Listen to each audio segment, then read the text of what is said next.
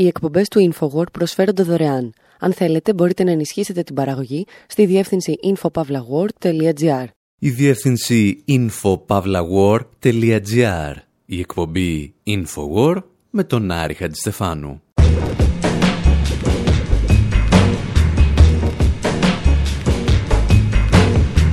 όπου σήμερα ακούμε τα blues της ισπανικής γρήπης, βασικό χαρακτηριστικό της οποίας ήταν ότι δεν ήταν ισπανική.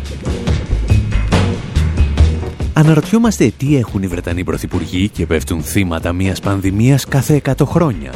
Τους ευχόμαστε καλή ανάρρωση παρά το γεγονός ότι τους μισούμε από τα βάθη της ψυχής μας.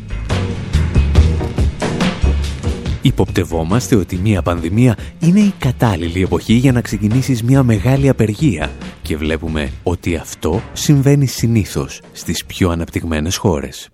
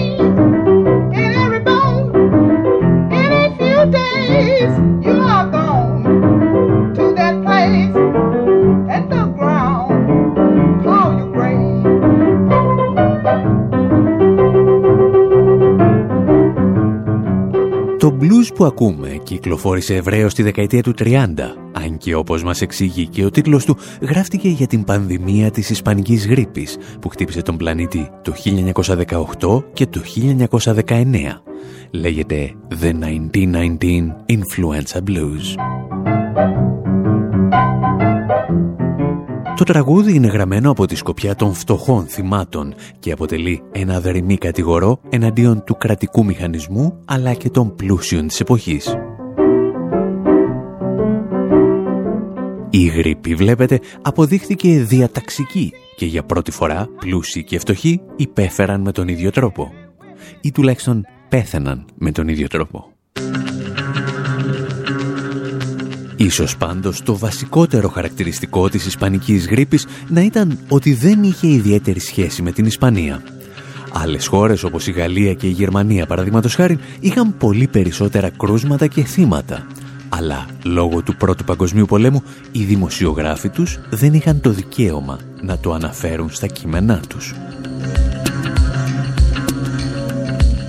Αντίθετα, η Ισπανία που δεν συμμετείχε στον πόλεμο δεν είχε επιβάλει λογοκρισία στον τύπο. Και έτσι, όταν ο βασιλιάς Αλφόνσος ο 8 άρπαξε τη γρήπη, οι δημοσιογράφοι ξεσάλωσαν. Και η γρήπη πήρε το όνομα Ισπανική. Το πώς συνδέονται όλα αυτά με τη σημερινή πανδημία είναι νομίζουμε προφανές. Σημασία δεν έχει πόσα κρούσματα παρουσιάζει κάθε χώρα, γιατί αυτό μπορεί να είναι απόλυτα πλασματικό. Σημασία έχει πόσους νεκρούς έχει ανά ένα εκατομμύριο κατοίκων. Και αν δούμε αυτά τα στοιχεία, η Ελλάδα πάβει να είναι η πρωταθλήτρια που νομίζει ότι είναι. Η Ιαπωνία, λόγου χάρη, έχει 0,8 νεκρούς ανά ένα εκατομμύριο κατοίκων, ενώ η Ιταλία έχει 302 και η Ισπανία 330. Η Ελλάδα έχει 8 νεκρούς ανά ένα εκατομμύριο κατοίκων ή, όπως τα έλεγαν στην τηλεοπτική σειρά Τσερνόμπιλ, not great, not terrible. Για να επιστρέψουμε όμως στην ισπανική γρήπη που δεν ήταν ισπανική. Ήδη από το 1920 οι επιστήμονες σταμάτησαν να ονομάζουν τις πανδημίες με γεωγραφικούς προσδιορισμούς. Το φαινόμενο επέστρεψε μόνο στον 21ο αιώνα, με τον Ντόναλτ Τραμπ, ο οποίος επιμένει να μιλά για έναν κινέζικο ιό. Chinese virus comes from China. Comes from China. Η Ισπανία λοιπόν έδωσε κατά λάθος το όνομά της στην Ισπανική γρήπη, εν μέρη γιατί ασθένησε ο βασιλιάς της. Το οποίο και πάλι δεν είναι ιδιαίτερα δίκαιο, γιατί ένας ακόμη από τους ανθρώπους που γλίτωσαν κυριολεκτικά την τελευταία στιγμή από βέβαιο θάνατο ήταν και ο πρωθυπουργός του Ηνωμένου Βασιλείου, Lloyd George. George knew my father.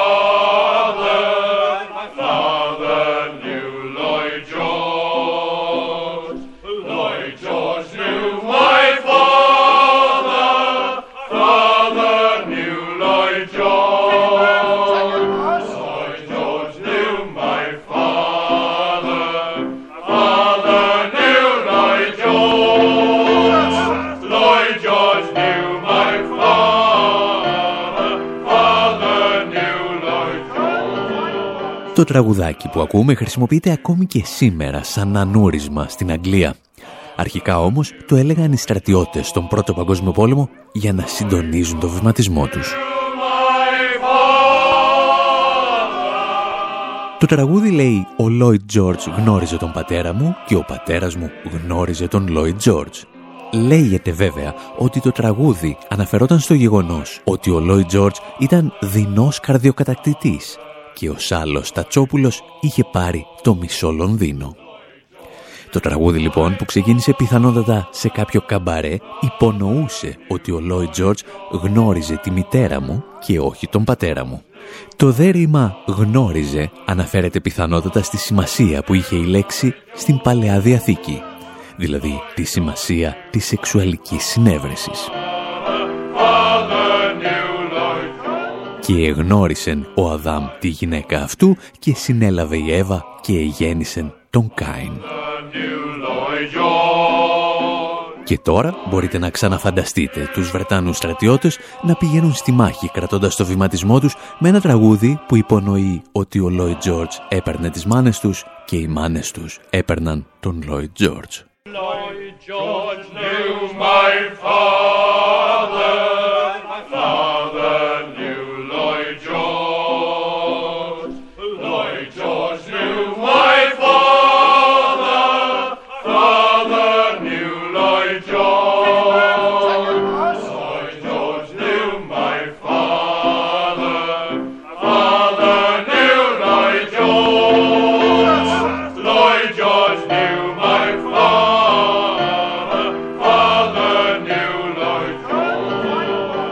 Προφανώς όλες αυτές οι πληροφορίες είναι απλώς ένας τρόπος για να γεμίσει η εκπομπή, γιατί δεν έχουν την παραμικρή σχέση με την ιστορία που διηγούμαστε.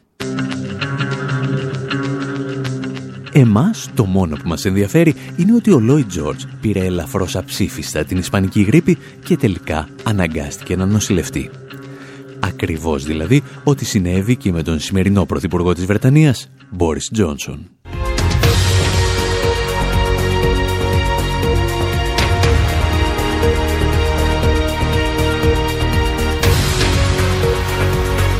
So let's go back to some positive news. The Prime Minister has been moved from the intensive care unit where he has spent the last three nights at St. Thomas's Hospital. Καθώς ετοιμάζαμε αυτή την εκπομπή, ο Μπόρις Τζόνσον έβγαινε από την εντατική, όπως είχε συμβεί το 1918 και με τον Λόιτ Τζόρτζ. Και τώρα, όπως και τότε βέβαια, πρέπει να ευχόμαστε περαστικά σε αυτούς τους πολιτικούς ακόμη και αν θεωρούμε ότι πρόκειται για τα μεγαλύτερα καθάρματα που έχει γνωρίσει η χώρα τους. Για τον Λόιτ Τζόρτζ, παραδείγματος χάρη, όλοι προσπαθούν να ξεχάσουν τις ιδιαίτερα στενές σχέσεις του με τον Αδόλφο Χίτλερ. Σχέσεις που έφτασαν στο απόγειό τους όταν ο Λόιτ Τζόρτζ, μετά την απομάκρυνσή του από την Πρωθυπουργία, ταξίδεψε στη Γερμανία. In 1936, David Lloyd George crossed into Germany for the first time since her defeat in the First World War. Το 1936 ο David Lloyd George πέρασε στη Γερμανία για πρώτη φορά από την ήττα της στον Πρώτο Παγκόσμιο Πόλεμο. Η επίσκεψη είχε σχεδιαστεί από τον πολεμικό ηγέτη της Βρετανίας ως ένα ερευνητικό ταξίδι για τα απομνημονεύματά του. Ήταν επίσης ευκαιρία για μια συνάντηση με έναν άνθρωπο που έτρεφε μεγάλο θαυμασμό για αυτόν, τον Αδόλφο Χίτλερ, καγκελάριο της Γερμανίας. Ενώ σε βεριζόταν τσάι, ο Χίτλερ γύρισε στον επισκέπτη του και του είπε: Η μεγάλη νίκη της Βρετανίας και των συμμάχων της στον πόλεμο δεν ήταν χάρη στους στρατηγούς της, αλλά χάρη σε ένα σπουδαίο πολιτικό. Εσάς, κύριε Lloyd George remarkable statesman. You, Mr. Lloyd George. Το πρόβλημα στη συγκεκριμένη ιστορία ήταν ότι δεν γνώριζε μόνο ο Χίτλερ τον Λόιτ Τζόρτζ, αλλά και ο Λόιτ Τζόρτζ γνώριζε τον Χίτλερ. Το 1933 ο Βρετανός πρώην Πρωθυπουργός υποστήριζε ότι ο Χίτλερ πρέπει να παραμείνει πάση θυσία στην εξουσία γιατί διαφορετικά θα έπαιρναν τον έλεγχο οι κομμουνιστές. Έλεγε επίσης μερικά χρόνια αργότερα ότι ο Χίτλερ ήταν ο σημαντικότερος εν ζωή Γερμανός και τον συνέκρινε με τον George Washington των Ηνωμένων Πολιτειών. Εν ολίγης, ο Λόι Τζόρτζ λάτρευε τον Χίτλερ όσο τον λάτρευε και ο Winston Churchill, ο οποίος παρεπιπτόντος επίσης είχε φτάσει στα όρια του θανάτου δύο φορές με πνευμονία. Αλλά ως γνωστόν, κάποιοι μεγάλοι ηγέτες ψόφο δεν έχουν.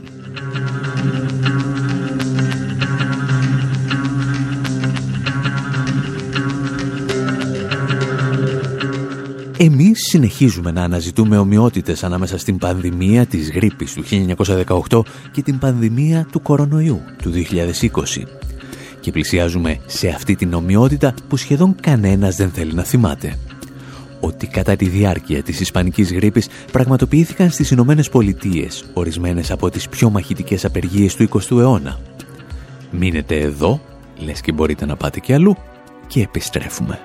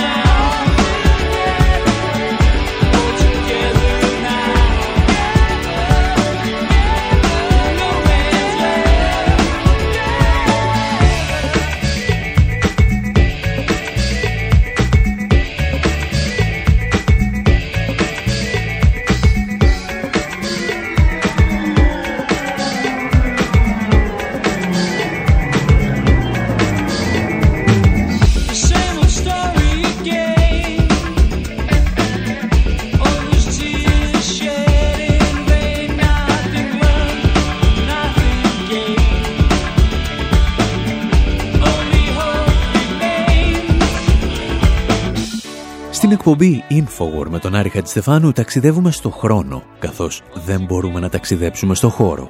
Το τραγούδι που ακούμε είναι το All Together Now και όπως έλεγαν τα μέλη του συγκροτήματος The Farm, τους αρέσει γιατί συνδυάζει τις δύο μεγάλες τους αγάπες, το σοσιαλισμό και το ποδόσφαιρο.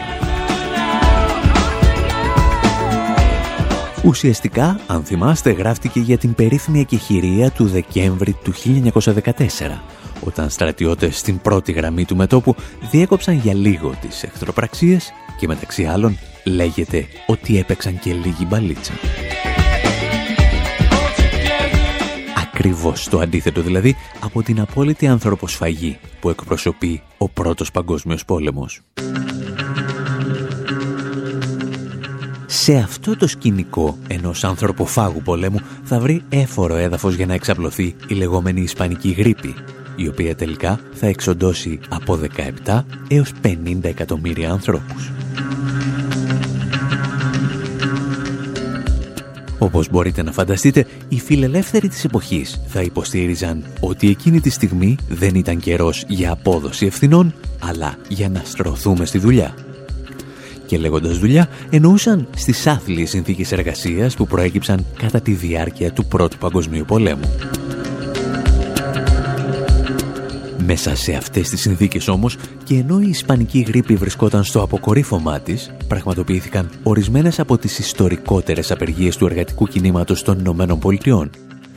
Και ανάμεσά τους ξεχώρισε η μεγάλη απεργία των αυτεργατών του Σιάτλ. Τα εξηγούσαν πολύ καλύτερα στο ντοκιμαντέρ Witness to Revolution. With the armistice, the war in Europe was over, but at home there was still no peace.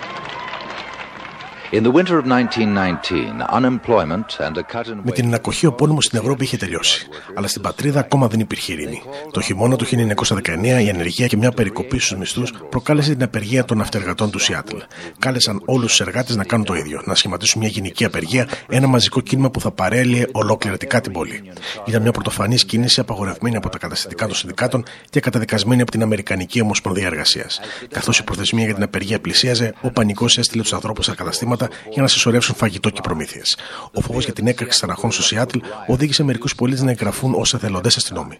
Η εθνική φρουρά κινητοποιήθηκε έτοιμη να καταπνίξει την επερχόμενη επανάσταση. Και σε όλη τη χώρα τα άρθρα γνώμης προειδοποιούσαν πως το Μπολσεβίκικο κτήνος αποκαλύφθηκε. Και το Σιάτλ είναι ένα βήμα μακριά από το Πέτρογκραντ. And it is only a step from Seattle to Petrograd.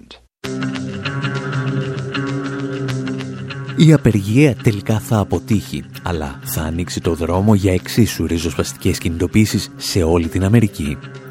Οι εργάτες καταλαβαίνουν ότι τα έκτακτα μέτρα που είχαν ληφθεί εναντίον τους λόγω του Πρώτου Παγκοσμίου Πολέμου και της Ισπανικής γρήπης δεν ήταν και τόσο έκτακτα. Κάποιοι ήθελαν να κρατήσουν τους μισθούς σε επίπεδα πολέμου και πανδημίας. Και αυτό ακριβώς θα επιχειρήσουν να κάνουν και με την πανδημία του 2020. Εκτός αν κάποιοι τους σταματήσουν. Όπως παραδείγματος χάρη οι απεργοί της Amazon που ξεκίνησαν ήδη τις απεργιακές τους κινητοποιήσεις. Ιστορίες να έχουμε να λέμε σε μια άλλη εκπομπή. Εσείς μένετε εδώ στο μικρό μας διάλειμμα Και θυμάστε πάντα ότι στη διεύθυνση info.pavlawar.gr έχουμε ένα μεγάλο πάρτι πληροφοριών, το οποίο μπορεί να σας κρατήσει μακριά από την τηλεόραση.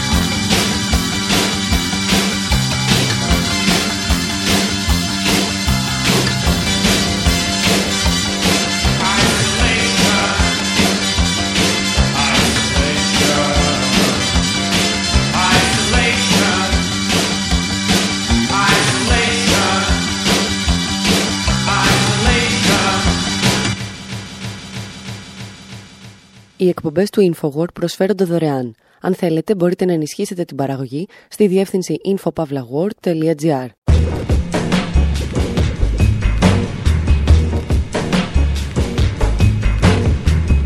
Η εκπομπή InfoWord με τον Άρη Χατζηστεφάνου. όπου σήμερα γιορτάζουμε το γεγονός ότι στη δεκαετία του 50 μια σχολή κλασικής μουσικής αρνήθηκε να δεχθεί μια μαύρη μαθήτρια και έτσι όλοι εμείς γνωρίσαμε την Νίνα Σιμών. Συζητάμε για μερικά απορριμματοφόρα που προσπάθησαν να ακυρώσουν μια συναυλία η οποία τελικά πραγματοποιήθηκε πάνω σε ένα σώρο από φέρετρα. Διηγούμαστε ιστορίες από μια ιέρια της ένοπλης πάλης που δεν είχε καμία όρεξη να ακούει τις θεωρίες της μη βίας από ένα σύστημα που δολοφονούσε τα παιδιά της.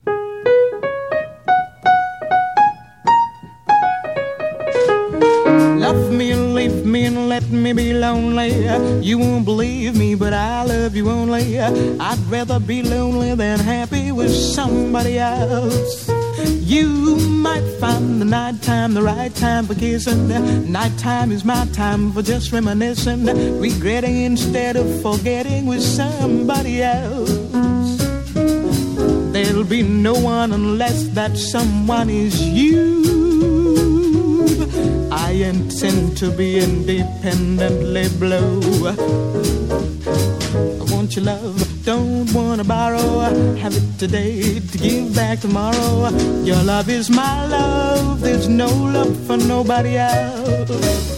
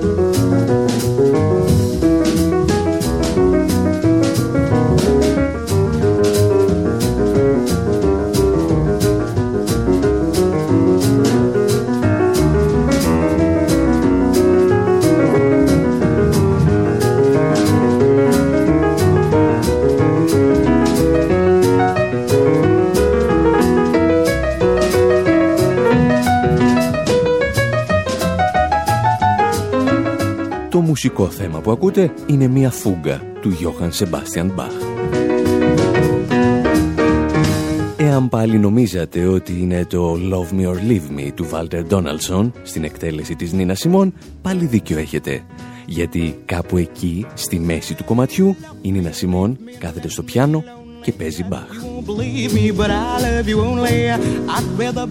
Και αν πιστεύετε ότι όλα αυτά είναι λεπτομέρειες για μουσικόφιλους, εμείς θέλουμε να σας εξηγήσουμε πως πρόκειται για τον απόϊχο μιας πολιτικής σύγκρουσης που ξεκίνησε στις Ηνωμένες Πολιτείες τη δεκαετία του 50 και συνεχίζεται μέχρι τις μέρες μας.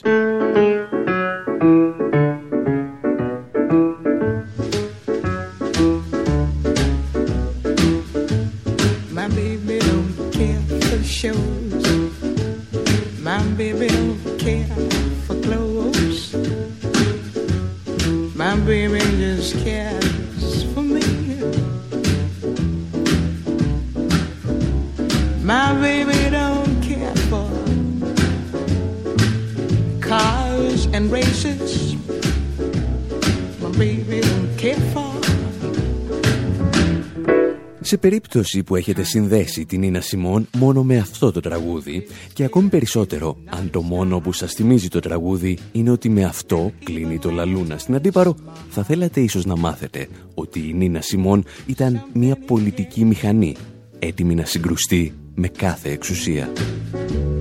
My baby don't Και ίσως η στιγμή που το συνειδητοποίησε και η ίδια να ήταν στα 12 της χρόνια όταν έπαιζε στο πιάνο αυτό εδώ το κομμάτι.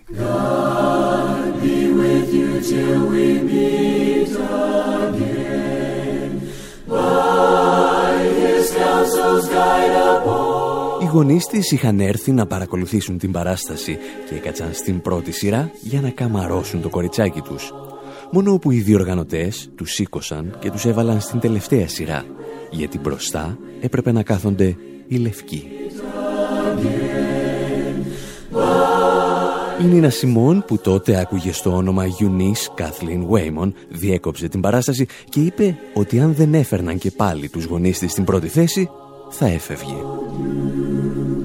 Μια ηρωίδα του αγώνα για τα δικαιώματα των μαύρων είχε μόλις γεννηθεί και αυτή την ιστορία θέλουμε να σας διηγηθούμε σήμερα, ύστερα από αυτό.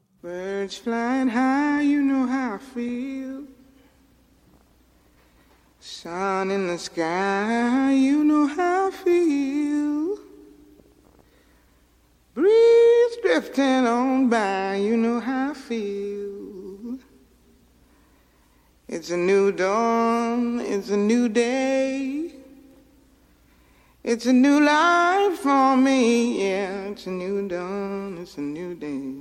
It's a new life for me.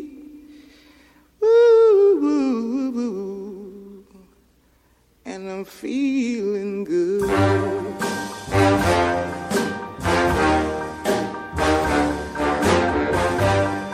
Fish know how I feel. River running free, you know how I feel.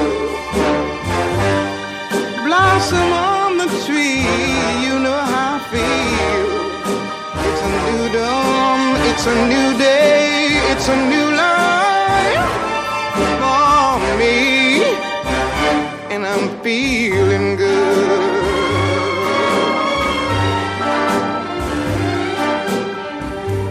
Dragonfly out in the sun, you know what I mean, don't you know? Butterflies all having fun, you know what I mean. Sleep in peace when day is done, that's what I mean. And this old world is a new world and a bold world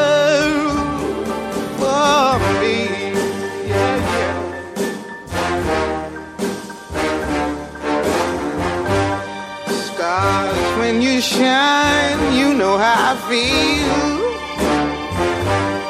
Scent of the pine, you know how I feel. Oh, freedom is mine, and I know how I feel. It's a new dawn, it's a new day, it's a new life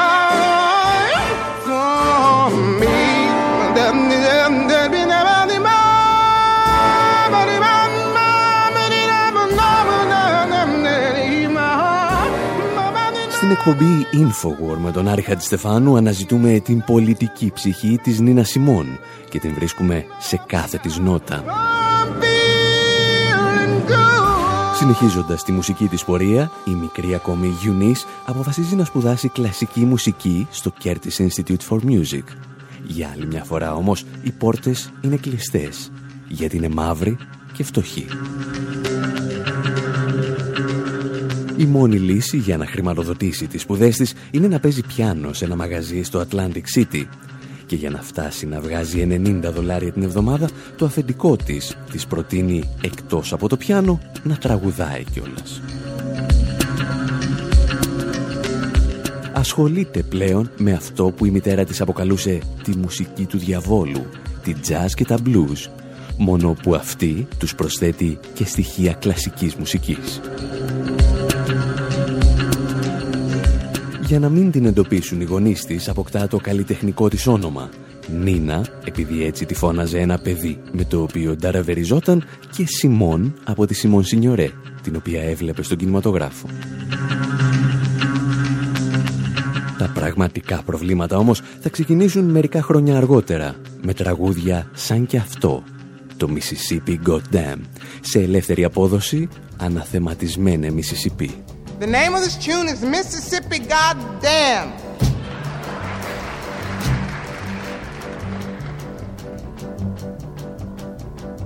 And I mean every word of it. Alabama's got me so upset. Tennessee made me lose my rest. And everybody knows about Mississippi. Goddamn! Alabama's got me so upset. Tennessee made me lose my rest, and everybody knows about Mississippi. Goddamn! Can't you see it? Can't you feel it? It's all in the air. I can't stand the pressure much longer. Somebody say a prayer. Alabama's got me so upset. Tennessee made me lose my rest, and everybody knows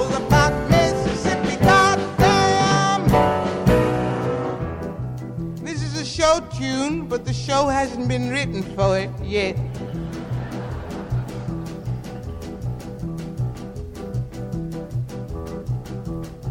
Hound dogs on my trail, school children sitting in jail, black cat cross my path. I think every day's gonna be my last.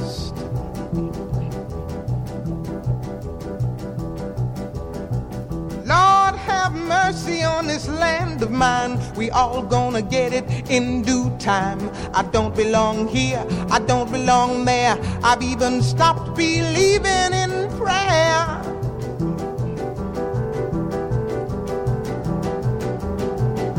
Don't tell me, I'll tell you. Me and my people just about do. I've been there, so I know. You keep on saying, go slow.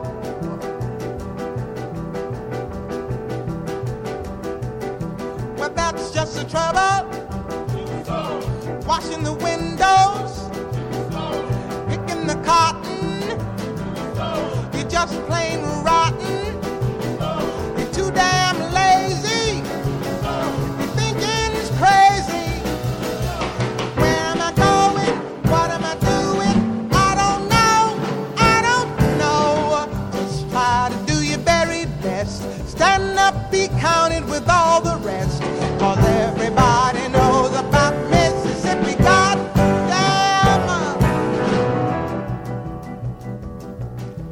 thought I was kidding,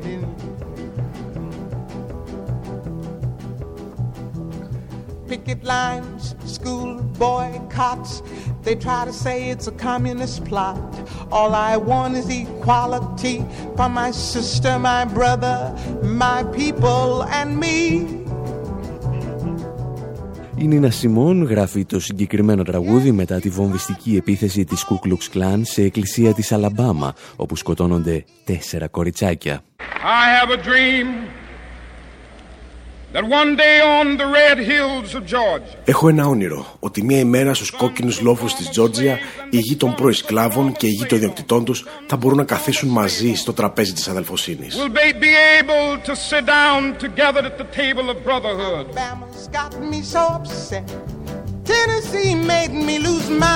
Είναι η εποχή που ο Μάρτιν Λούθερ Κίνγκ μιλά ακόμη για το γλυκανάλατο όνειρό του μιας επανάστασης χωρίς βία. Είναι ένα Σιμών όμως, όσο και αν τον λατρεύει, έχει τις δικές της απόψεις για το πώς πρέπει να αλλάξει ένα σύστημα που εξακολουθεί να αντιμετωπίζει τον μαύρο πληθυσμό σαν σκλάβους. Η λύση που προτείνει είναι η ένοπλη πάλι εναντίον των λευκών καταπιεστών. Είναι η αναμενόμενη βίαιη απάντηση απέναντι σε ένα σύστημα που έχει αποδείξει ότι δεν δέχεται καμία άλλη μέθοδος συνδιαλλαγής εκτός από τη βία. Όπως έκανε δηλαδή και η Τζέννη των πειρατών του Μπέρτολ Μπρέχτ, εδώ με την συγκλονιστική ερμηνεία της Νίνα Σιμών. You people can watch while I'm scrubbing these floors and I'm scrubbing the floors while you're gawking.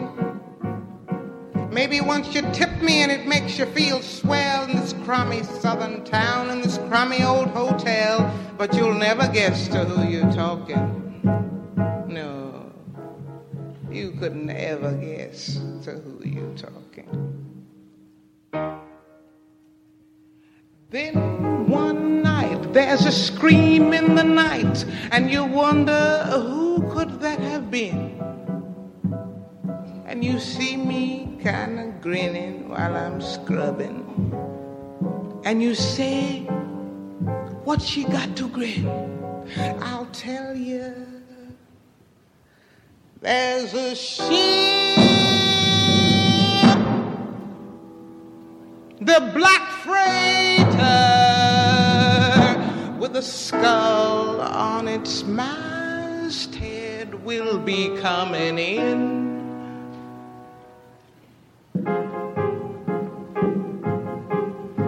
You gentlemen can say, hey gal, finish them floors, get upstairs. What's wrong with you? Earn your keep here. You toss me your tips and look out to the ships, but I'm counting your heads as I'm making the beds, cause there's nobody gonna sleep here tonight. Nobody's gonna sleep here, honey. Nobody. Nobody.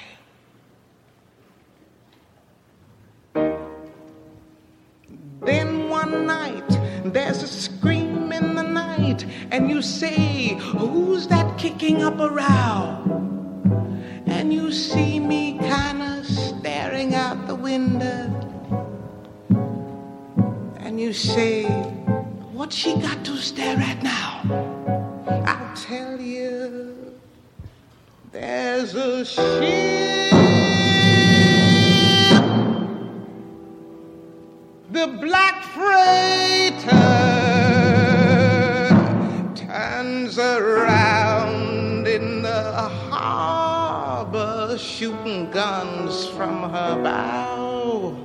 Η ηρωίδα του τραγουδιού στρώνει καθημερινά τα σεντόνια σε ένα κακόφημο ξενοδοχείο κοντά στο λιμάνι. Και οι πελάτες για μερικές δεκάρες πιστεύουν ότι είναι υποχρεωμένοι να τους κάνει όλα τα χατήρια. Μέχρι που μια μέρα φτάνει στο λιμάνι ένα πειρατικό με 50 κανόνια. Και οι πειρατές ισοπεδώνουν τα πάντα. Τα πάντα εκτός από εκείνο το κακόφημο ξενοδοχείο. Οι πειρατές έχουν έρθει για να σώσουν την Τζέννη και να κάνουν ό,τι τους ζητήσει. Και αυτή τους ζητά να μην αφήσουν κανέναν ζωντανό. You wonder who is that person that lives up there; And you see me stepping out in the morning looking nice with a ribbon in my hair. Πριν όμως η Τζέννη των πειρατών βάλει φωτιά σε ότι την καίει, σε ότι τη τρώει την ψυχή, έχει να υποστεί ακόμη πολλές ταπεινώσεις, να δώσει μάχες και να τις κερδίσει όπως μια ιστορία που διηγούνταν προημερών στο Democracy Now! ο στενός συνεργάτης της, Al Sackman. We were playing at the Village Gate in New York and uh, we flew down uh, with uh, Θα παίζαμε στο Village Gate της πολιτείας Νέας Υόρκης, οπότε πήραμε ένα αεροπλάνο για το Montgomery. Όταν φτάσαμε όμως δεν μπορούσαμε να προσγειωθούμε. Ο κυβερνήτης Αλαμπάμα είχε στείλει απορριμματοφόρα και είχε γεμίσει τον αεροδιάδρομο για να μην μπορέσουμε να προσγειωθούμε. Τελικά καταλήξαμε στο Jackson του Μισισίπη, όπου νοικιάσαμε ένα μονοκινητήριο αεροσκάφος. Θυμάμαι ότι δεν μπορούσε να απογειωθεί από το βάρος, οπότε με έβαλα να κάθομαι στο πίσω κάθισμα με τον ενισχυτή για να μπορέσει να σηκωθεί η μύτη του αεροπλάνου. Όταν φτάσαμε στο χώρο της συναυλίας, αφού περάσαμε από την εθνοφρουρά, είδα μια μεγάλη πλατφόρμα. Σήκωσα μια κουρτίνα για να συνδέσω τον ενισχυτή και τότε συνειδητοποίησα ότι όλη η σκηνή στηριζόταν σε φέρετρα. Τα είχαν παραχωρήσει τα γραφεία τελετών των μαύρων του Μοντγκόμερι. Ήταν κάπως ανατριχιαστικό όταν το είδαμε.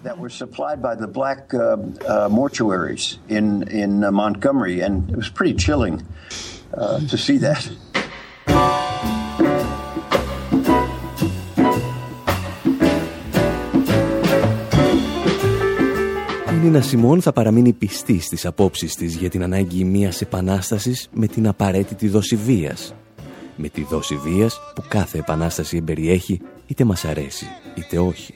Και παραδόξως ο Μάρτιν Λούθερ Κίνγκ αντί να απομακρύνεται μάλλον έρχεται σταδιακά πιο κοντά της καθώς συνειδητοποιεί και τα ταξικά χαρακτηριστικά της μάχης που έχει μπροστά του.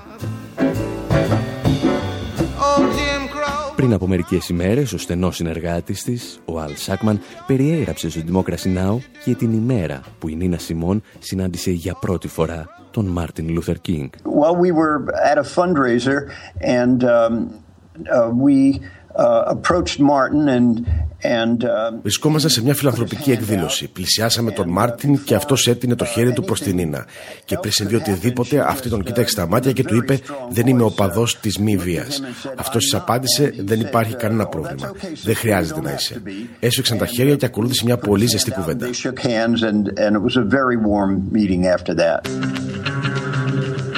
Καθώς ο Μάρτιν Λούθερ Κίνγκ αρχίζει να συνομιλεί με τα πιο ριζοσπαστικά στοιχεία του κινήματος των μαύρων και κυρίως καθώς αρχίζει να μιλά για οικονομική και όχι μόνο φυλετική ισότητα, κάποιοι αποφασίζουν ότι έχει έρθει η στιγμή να πεθάνει. Direct from our newsroom in Washington, in color, this is the CBS Evening News with Walter Cronkite.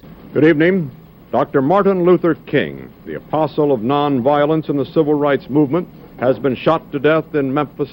ο παρουσιαστής στις πρώτες του λέξεις χαρακτηρίζει τον Μάρτιν Λούθερ Κίνγκ «απόστολο της μη βίας». Έτσι δηλαδή όπως θα τον καταγράψουν τα αμερικανικά βιβλία ιστορίας. Έτσι όπως θα τον κλάψει τρεις μέρες αργότερα και η Νίνα Σιμών του κάνει αυτή τη χάρη προς τιμήν του. Ακόμη και αν διαφωνούσε σε πολλά μαζί του εδώ σε ζωντανή ηχογράφηση στις 7 Απριλίου του 1968. We want to do a tune written for today, for this hour, for Dr. Martin Luther King.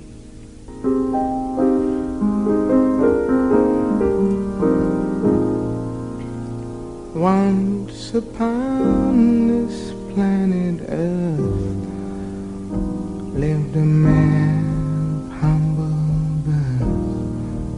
Preaching love and freedom for his fellow man. He was dreaming of the day peace would come to earth to stay. And he spread this message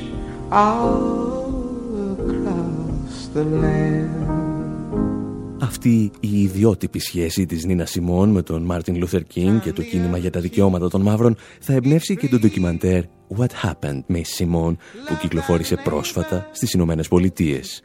Η πολιτική ιστορία ενός θρύλου της κλασικής, της jazz και των blues.